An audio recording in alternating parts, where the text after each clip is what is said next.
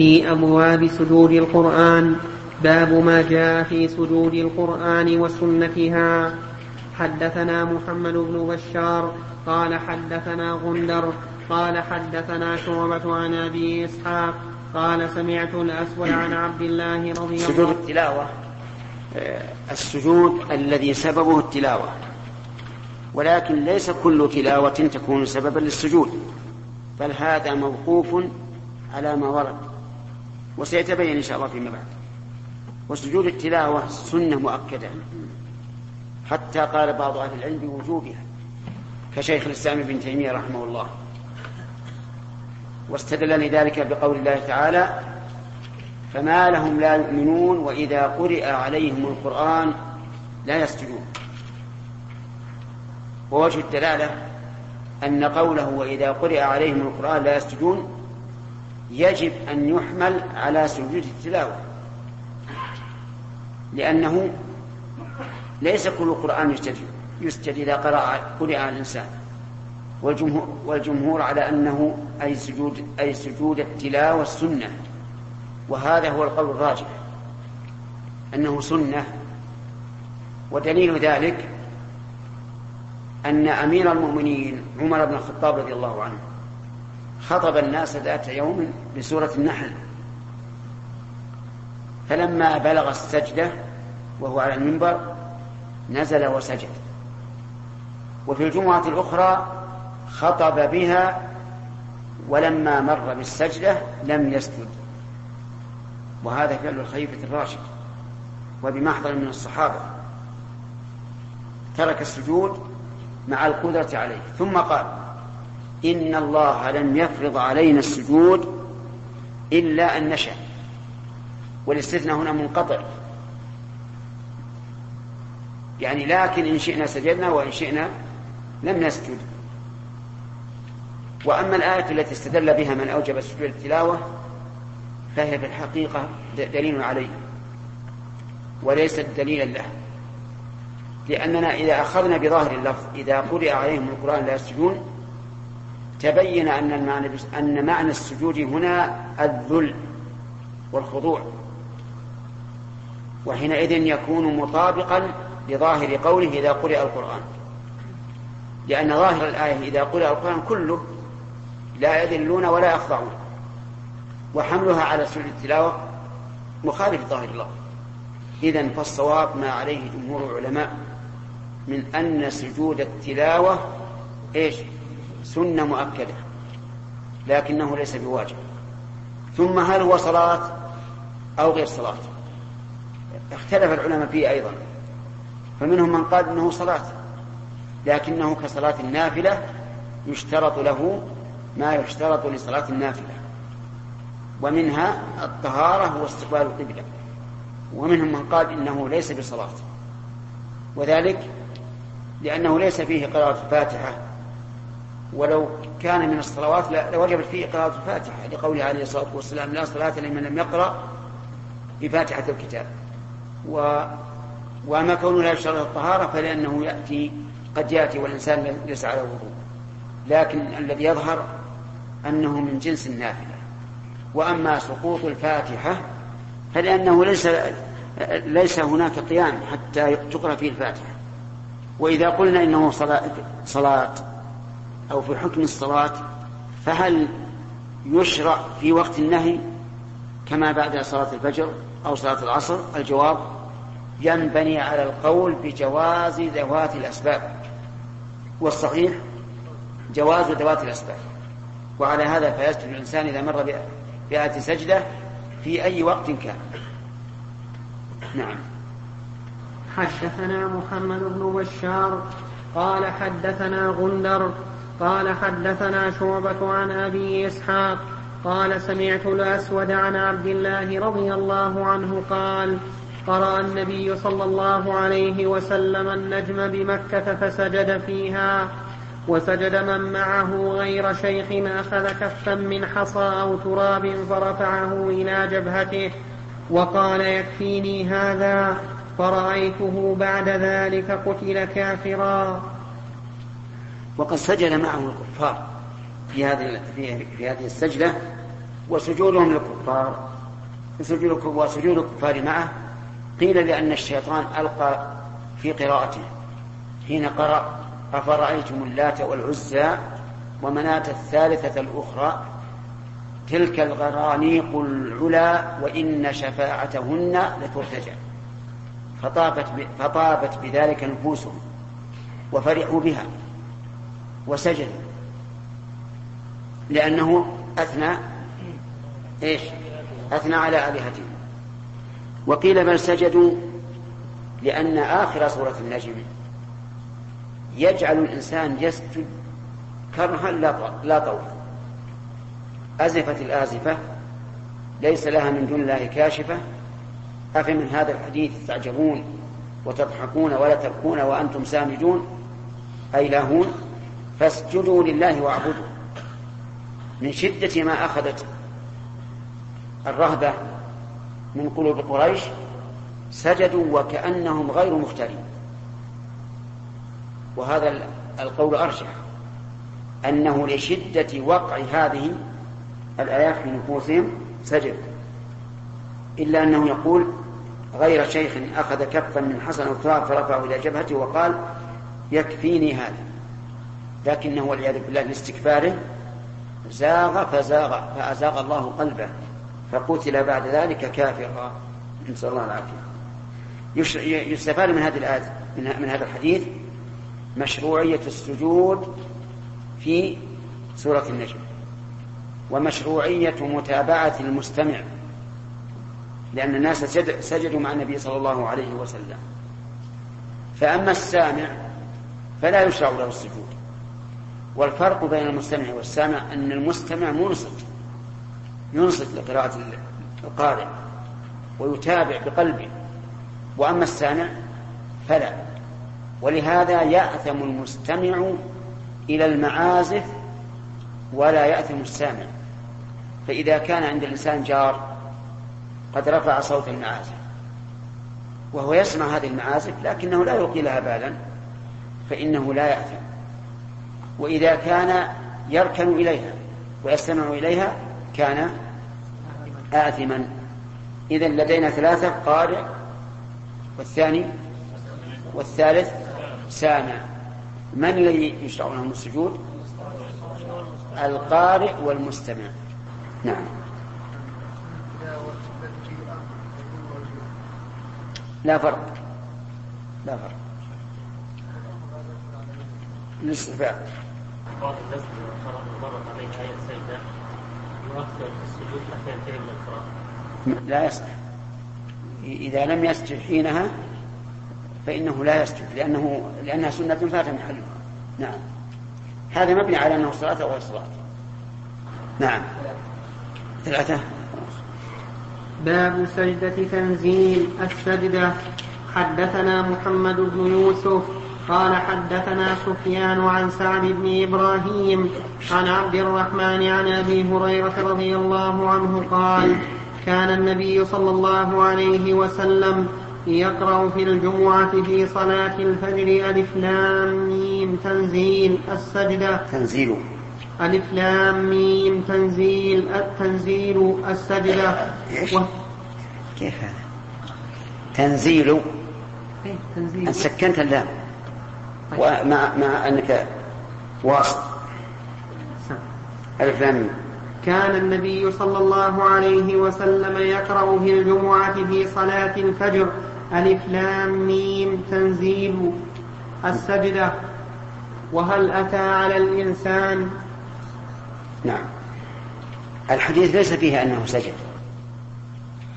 والبخاري ظاهر ترجمته أنه سجد لقول باب سجدة تنزيل السجدة. ولكن لعله قد جاء من طريق ليس على شرطه أنه سجد. وهذا لا شك أنه ثابت أن الرسول صلى الله عليه وسلم سجد فيها. فإذا قال قائل ما الحكمة أنه يقرأ في فجر الجمعة في ألف لام تنزيل السجدة؟ وهل أتى؟ قلنا إن فالجواب أن بعض العوام ظن أنها أي صلاة الفجر يوم الجمعة فضلت بسجدة وأن الإنسان إذا قرأ أي سورة فيها سجدة أو آية أدرك السنة ولكن هذا جهل. والصواب أنها أن الرسول قرأ فيهما لما فيهما من ذكر المبدأ والمعاد والجزاء والعقوبة والجمعة مناسبة لهذا لأن فيها خلق آدم وفيها أخرج من الجنة وفيها تقوم الساعة فكان من المناسبة أن يبتدئ صباح هذا اليوم بما يدل على ذلك أو يشير إليه.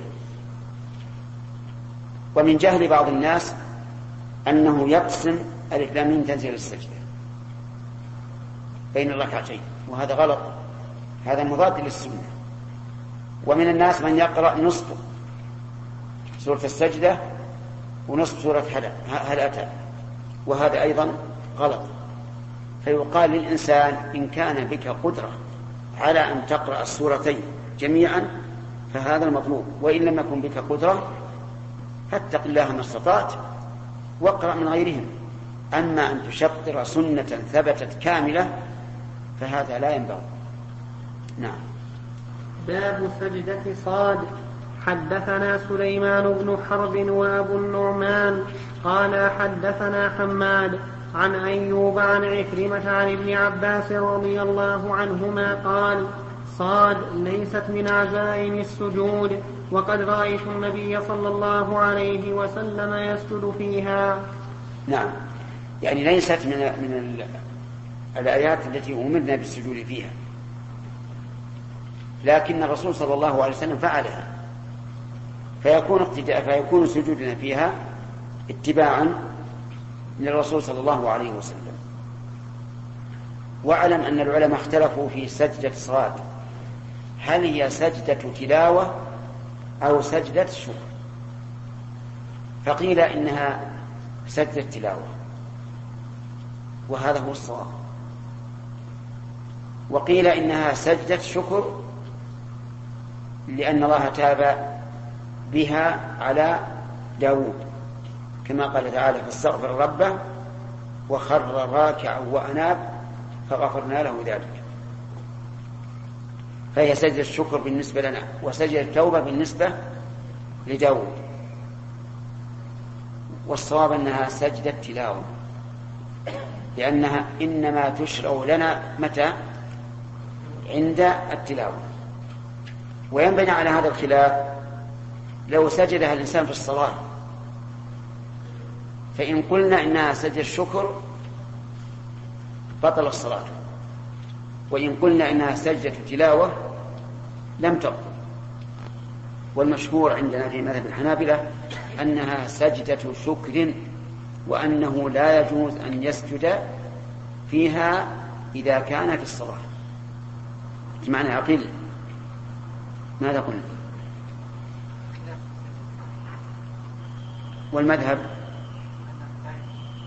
لا يسجد لأنها سجد الشكر. شرح الحديث عندك. فتح الباري الأول. ما هو موجود؟ قوله باب سجدة صاد أورد فيه حديث ابن عباس رضي الله عنهما. صاد ليست من عزائم السجود.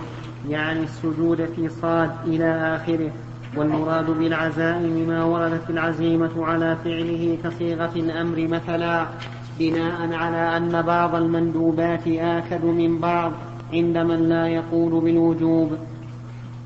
وقد روى ابن المنذر وغيره عن علي عن علي بن أبي طالب بإسناد حسن أن العزائم حاميم والنجم واقرا وألف لام ميم تنزيل وكذلك ثبت عن ابن عباس في الثلاثة الأخر وقيل الأعراف وسبحان وحاميم وألف لام ميم أخرجه ابن أبي شيبة قوله وقد رأيت النبي صلى الله عليه وسلم يسجد فيها وقع في تفسير صاد عند المصنف من طريق مجاهد قال سألت ابن عباس من أين سجدت في صاد؟ ولابن خزيمة من هذا الوجه من أين أخذت سجدة صاد؟ ثم اتفقا فقال ومن ذريته داود وسليمان إلى قوله فبهداه مقتده. ففي هذا ففي هذا أنه استنبط مشروعية السجود فيها من الآية وفي الأول أنه أخذه عن النبي صلى الله عليه وسلم. ولا تعارض بينهما لاحتمال أن يكون استفاده من الطريقين. وقد وقع في أحاديث الأنبياء من طريق مجاهد في آخره فقال ابن عباس نبيكم ممن أمر أن يقتدي بهم أي نبيكم ممن أمر أن يقتدي بهم؟ فاستنبط وجه سجود النبي صلى الله عليه وسلم فيها من الآية. وسبب ذلك كون السجدة التي في صاد إنما وردت بلفظ الركوع فلولا التوقيف ما ظهر أن فيها سجدة. وفي النسائي من طريق سعيد بن جبير عن ابن عباس هذا غلط لأن الله تعالى خر راكعا والخرور لا يكون في الركوع. هنا. وفي النسائي من طريق سعيد. لكن لاحظوا أن الركوع في اللغة العربية أوسع من مدلوله الشرعي ولهذا قال الشاعر لا تهين الفقير علك أن تركع يوما والدهر قد رفعه. لا تهين الفقير علك أن تركع يوما والدهر قد رفعه. أن تركع أن تذل وليس المراد الركوع المعروف. وهذا شاهد معروف بالنحو. لإيش؟ لبقاء المضارع مفتوحا مع حذف نون التوكيد. وأصلا لا تهينن. أما قوله والدهر قد رفعه فهذا من أساليب الجاهلية.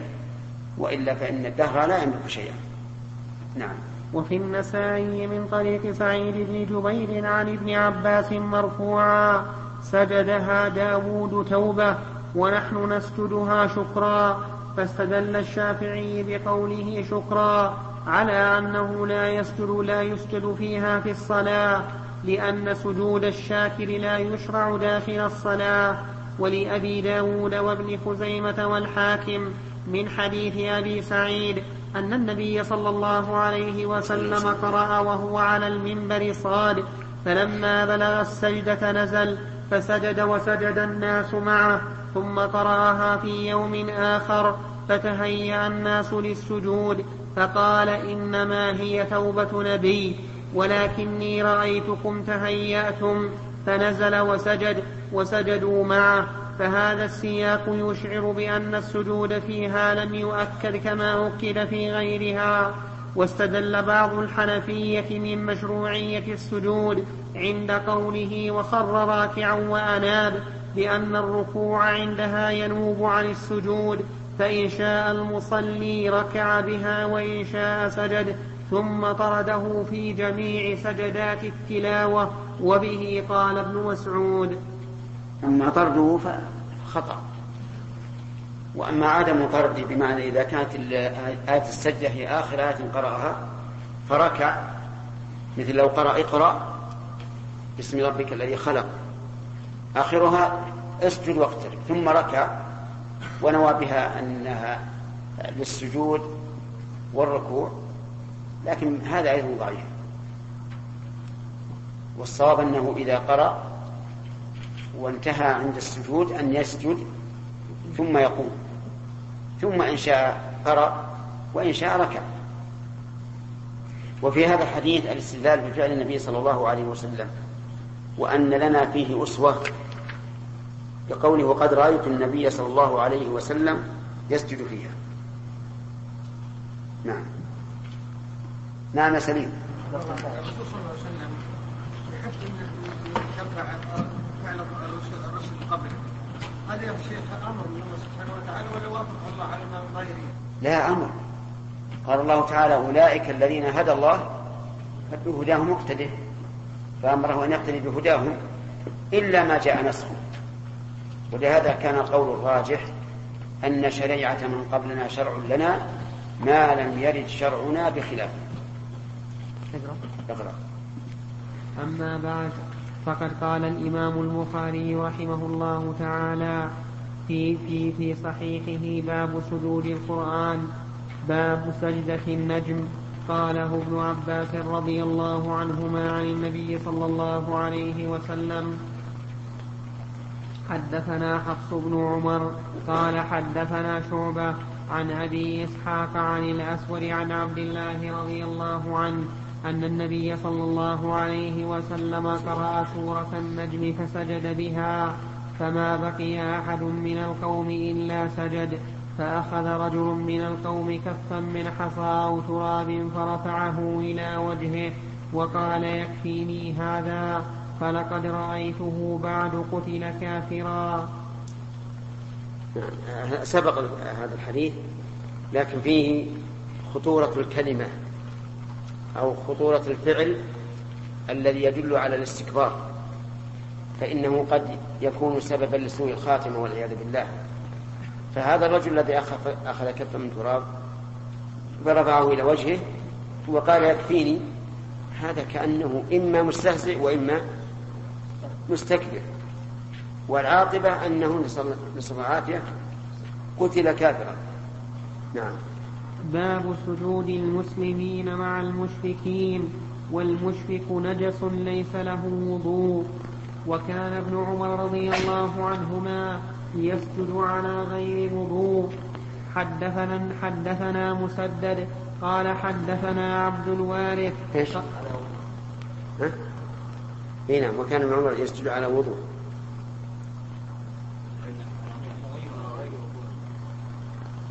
نعم في حاشية نسخة ما نص في نسخة لأبي ذر وكان ابن عمر يسجد على غير وضوء وهو الصواب نعم. حدثنا مسدد قال حدثنا عبد الوارث قال حدثنا أيوب عن عكرمة عن ابن عباس رضي الله عنهما أن النبي صلى الله عليه وسلم سجد بالنجم وسجد معه المسلمون والمشركون والجن والإنس ورواه ابن طهمان عن أيوب.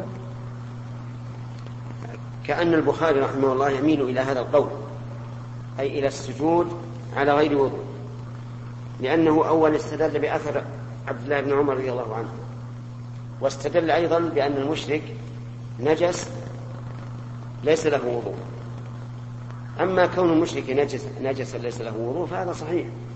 كل كافر لا تصح عبادته لأن من شرط العبادة الإسلام.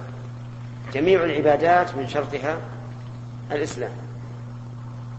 وأما فعل ابن عمر رضي الله عنهما فهو فعل صحابي. قد يكون معارضا بقول صحابي آخر أو بظاهر سنة. وإذا لم يبقى إلا, إلا, إلا فعل ابن عمر فقد يقول قائل إن هذه قضية عين. لا ندري. لعل ابن عمر ليس عنده ماء أو لعله معذور بترك الوضوء. وليس عنده تراب. وإن كان هذا أمرا نادرا. وعلى كل حال فالعلماء مختلفون فيها. أي في سجود التلاوة في سجدة التلاوة على غير وضوء.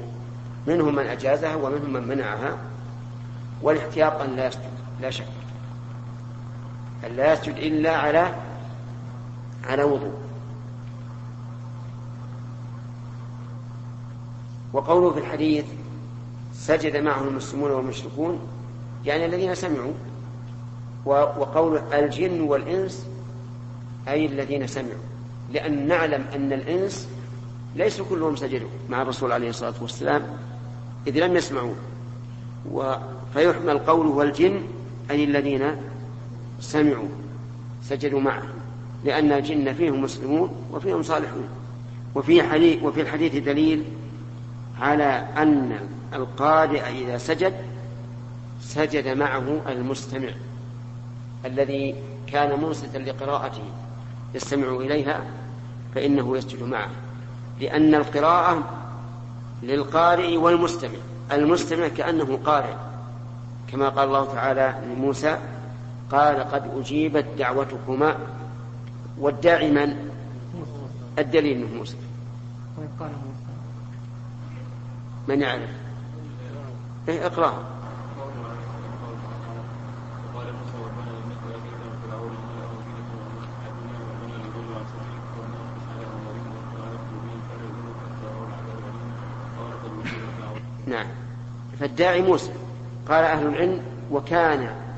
هارون يستمع إليه ويؤمن على دعائه. فالمستمع يسجد مع مع القارئ. وأما السامع الذي في شغله مر بقارئ يسجد وسجد القارئ فإنه لا, لا يطلب منه أن يسجد. لأنه لا يثبت له حكم قراءة القارئ. نعم. باب من قرأ السجدة ولم يسجد. حدثنا سليمان بن داود أبو الربيع قال حدثنا إسماعيل بن جعفر قال أخبرنا يزيد بن خصيفة عن ابن قصيط عن عطاء بن يسار أنه أخبره أنه سأل زيد بن ثابت رضي الله عنه فزعم أنه قرأ على النبي صلى الله عليه وسلم والنجم فلم يسجد فيها. وهذا دليل واضح على أن سجود التلاوة ليس بواجب. لأنه لو كان واجبا لسجد النبي صلى الله عليه وسلم. فإن قال قائل إن النبي صلى الله عليه وسلم لم يسجد لأن القارئ لم يسجد. فالجواب لو كانت السجدة واجبة لأمر بها النبي صلى الله عليه وسلم زيد بن ثابت لأن الرسول صلى الله عليه وسلم لا يمكن أن يسكت عن واجب ترك. فالصواب أن سجود التلاوة ليس بواجب لكنه سنة مؤكدة. وأما من استدل لذلك بقوله تعالى وإذا قرئ عليهم القرآن لا يسجدون وهذا في مقام الذنب فيقال المراد بالسجود هنا السجود بالمعنى العام. السجود بالمعنى العام كقوله ولله يسجد من في السماوات ومن في الأرض والشمس والقمر والنجوم إلى آخره. فالمراد الذل لله عز وجل. لأن الركوع يطلق على الذل وكذلك السجود يطلق على الذل. نعم. حدثنا آدم بن أبي إياس قال حدثنا ابن أبي ذئب قال حدثنا يزيد بن عبد الله بن قصير عن عطاء بن يسار عن زيد بن ثابت قال قرأت على النبي صلى الله عليه وسلم والنجم فلم يسجد فيها. باب سجدة إذا السماء انشقت. حدثنا مسلم ومعاذ بن فضالة. قال أخبرنا هشام عن يحيى عن أبي سلمة. قال رأيت أبا هريرة رضي الله عنه قرأ إذا السماء انشقت فسجد بها. فقلت يا أبا هريرة ألم أرك تسجد؟ قال لو لم أرى النبي صلى الله عليه وسلم يسجد لم أسجد. شوف شرح ألم أرك تسجد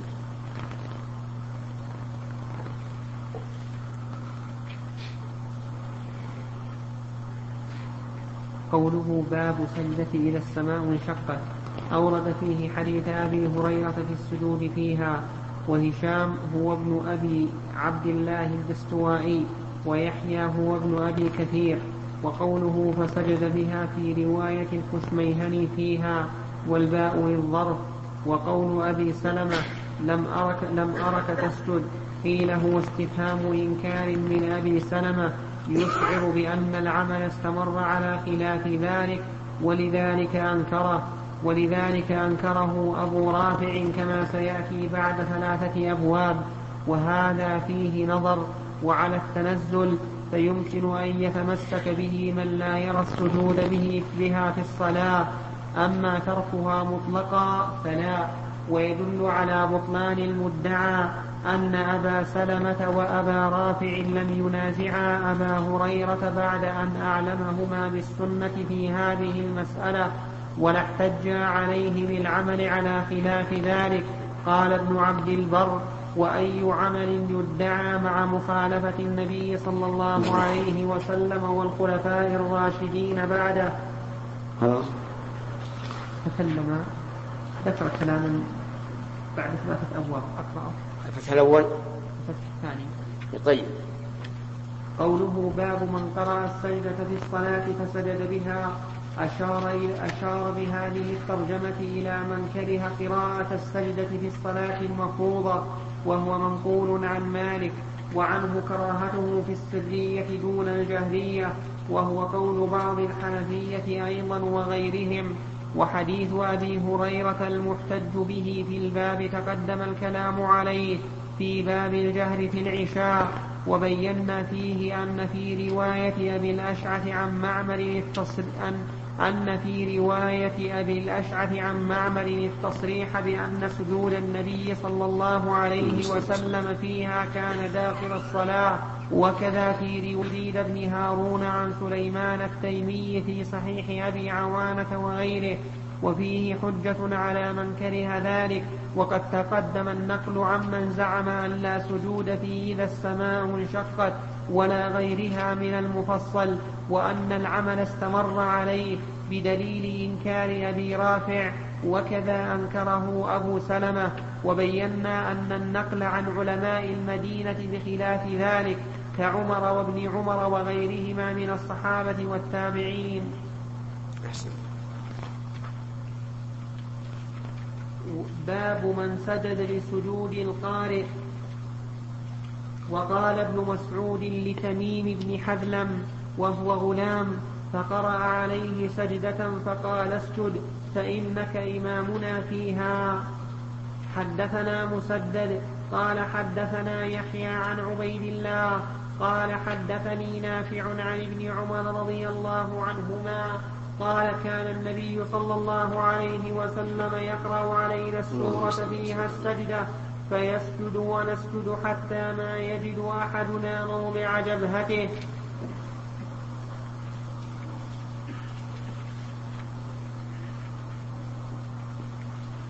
باب ازدحام الناس إذا قرأ الإمام السجدة.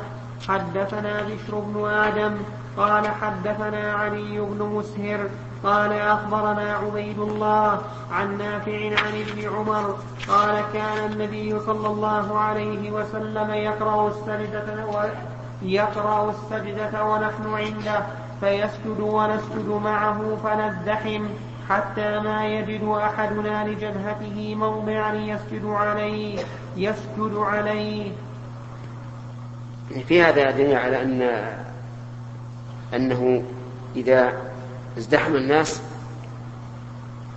ولم يجد الإنسان موضعا يسجد عليه فماذا يصنع؟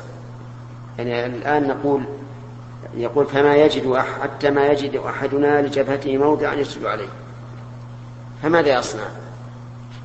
في هذا خلاف بين العلماء منهم من قال يسجد ولو على ظهر إنسان. وهذا مشكل هذا القول مشكل لأنه قد يكون الذي أمامه امرأة كما يحصل هذا في في المسجد الحرام في أيام المواسم. وقد يكون رجلا لا يعرف الحكم الشرعي فإذا سجد على ظهره فلا شك أنه سيوقعه في إشكال وتشويش وربما يرفسه برجله. نعم؟ أو غير ذلك. ففيه إشكال. ومنهم من قال يجلس ويومي لأن الجلوس أقرب إلى السجود من القيام. ويومي ويتابع الإمام بالإيمان. ومنهم من قال ينتظر حتى يقوم الناس من السجود ثم يسجد. ويكون تخلفه عن متابعة الإمام هنا لعذر. والأقرب عندي أنه يومي يجلس ويومي لأن متابعة الإمام في الشرع مهمة جدا. وتخلفه عن آه، خلاف ما أمر به النبي عليه الصلاة والسلام في قوله إذا ركع فاركعوا وإذا سجد فاسجدوا وأشباه ذلك. الصواب في هذا في هذا أن نقول اجلس واسجد بالإيمان وتابع إمامك. في هذا الحديث هل يشعر هذا الحديث أن الصحابة يسجدون إلى غير القبلة؟ لأنهم جلوس عند الرسول عليه الصلاة والسلام. وإذا لم يجد أحدهم مكان لجبهته فالمعنى أنه كأنهم حلقة يريدون السجود نحتاج لنا إلى الشرح. خذ يا سامي الفتح الأول وخالد الفتح الثاني. ما في فتح أول؟ ما في فتح أول. ما في فتح أول. اللهم افتح علينا. هذا الثاني. ما الثاني يمكن نتكلم عنه في الباب الذي قبله. طيب. قوله باب من سجد لسجود القارئ. قال ابن بطال أجمعوا على أن القارئ إذا سجد لزم المستمع أن يسجد كذا أطلق. وسيأتي بعد باب قول من جعل ذلك مشروطا بقصد الاستماع. وفي الترجمة إشارة إلى أن القارئ إذا لم يسجد لم يسجد السامع ويتأيد بما سأذكره. قوله وقال ابن مسعود. نعم. اقرأ. لا هذا ما قال ابن مسعود. ما في شيء. اللي تميم بن حزم ها؟ كيف؟ العين لعله في شيء. هذا ما في شيء. وقف على وقال ابن مسعود؟ وقال لابن حزم. ها؟ لابن حزم. قال لتميم بن حزم. إيه؟ وقف على هذا الشارع لا ذكر كلام لكن ما ذكر فيه. اي ابيك تش- اقرا الشرح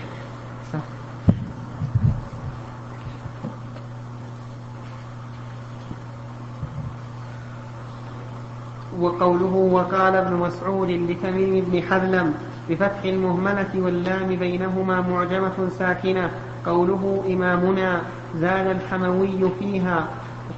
وهذا الأثر وصله سعيد بن منصور من رواية مغيرة عن إبراهيم قال تميم بن حذلم قرأت القرآن على عبد الله وأنا غلام فمررت بسجدة فقال عبد الله أنت إمامنا فيها وقد روي مرفوعا أخرجه ابن أبي شيبة من رواية ابن عجلان عن زيد بن أسلم أن غلاما قرأ عند النبي صلى الله عليه وسلم السجدة فانتظر الغلام النبي صلى الله عليه وسلم أن يسجد فلما لم يسجد قال يا رسول الله أليس في هذه السجدة سجود؟ قال بلى ولكنك كنت إمامنا فيها ولو سجدت لسجدنا ورجاله ثقات إلا أنه مرسل.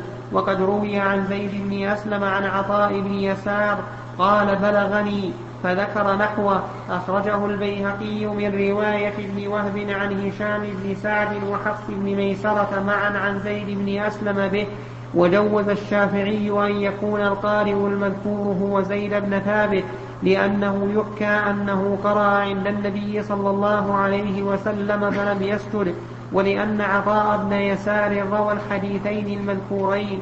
انتهى. لكن هذا الحديث ظاهر الأثر عن ابن مسعود يخالفه لأن ابن مسعود أمر الغلام أن يسجد. قال اسجد فإنك إمامنا فيها. فيؤخذ منه من أثر ابن مسعود أن القارئ لو نسي ولم يسجد أنه ينبه. ولو كان محلا للجهل أنه ينبه كالغلام مثلا. شوف اللي بعده. الحيني قال قوله موضعا. الباب اللي اللي بعده. نعم. هنا ذكر ذكر كلام الموضع. ما يخالف. طيب. في هذا الموضع. لا في الباب اللي بعده. لا هذا في باب ازدحام الناس إذا قرأ الإمام السجدة. طيب. لكن في العين. هذه. قال والفتح ما ذكرها؟ لا. قوله موضعا. وقال ابن بطال كان عمر بن الخطاب رضي الله عنه يقول من لا يقدر على السجود على الأرض من الزحام في صلاة فريضة يسجد على ظهر أخيه. وبه قال الثوري والكوفيون والشعبي وأحمد وإسحاق وأبو ثور وقال نافع مولى بن عمر يومئ يومئ إيماء. وقال عطاء والزهري يمسك عن السجود فإذا رفعوا سجد هو وهو قول مالك وجميع أصحابه. وقال مالك إن سجد على ظهر أخيه يعيد الصلاة. وذكر ابن شعبان في مختصره عن مالك أنه قال يعيد في الوقت وبعده وقال أشهب يعيد في الوقت وقال عمر رضي الله عنه أسجد- ولو على ظهر أخيك فعلى قول من أجاز السجود في صلاة الفريضة من الزحام على ظهر أخيه فهو أجوز عنده في سجود القرآن. هو أجوز بالزاي إيه، أجوز؟ نعم. فهو أجوز عنده في سجود القرآن. لأن السجود في الصلاة فرض بخلافه وعلى قول عطاء والزهري ومالك يحتمل أن تجوز عندهم سجدة التلاوة على ظهر رجل وأما على غير الأرض فكقول الجمهور ويحتمل خلافهم واحتمال وفاقهم أشبه لحديث ابن عمر.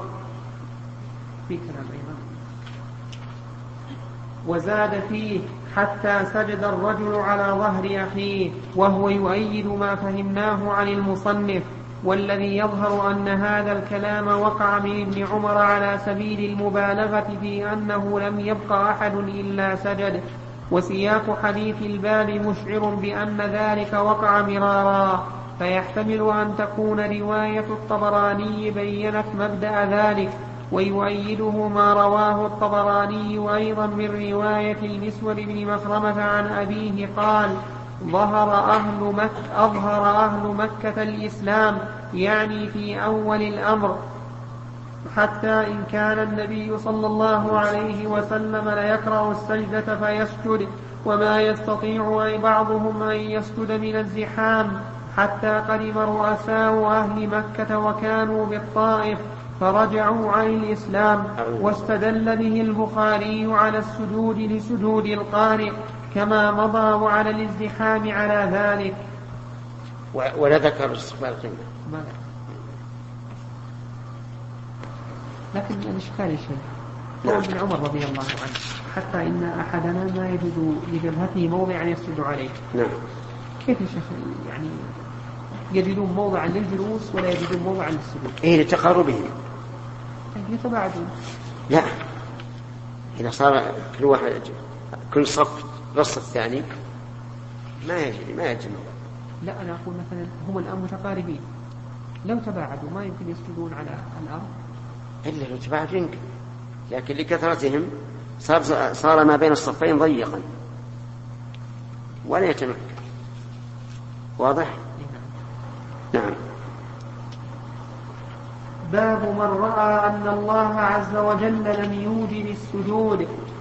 وقيل لعمران بن حسين الرجل يسمع السجدة ولم يجلس لها. قال أرأيت لو قعد لها كأنه لا يوجبه عليه. وقال سلمان ما لهذا غدونا؟ وقال عثمان رضي الله عنه إنما السجدة على من استمعها. وقال الزهري لا يسجد إلا أن يكون طاهرا. فإذا سجدت وأنت في حضر فاستقبل القبلة. فإن كنت راكبا فلا عليك حيث كان وجهك.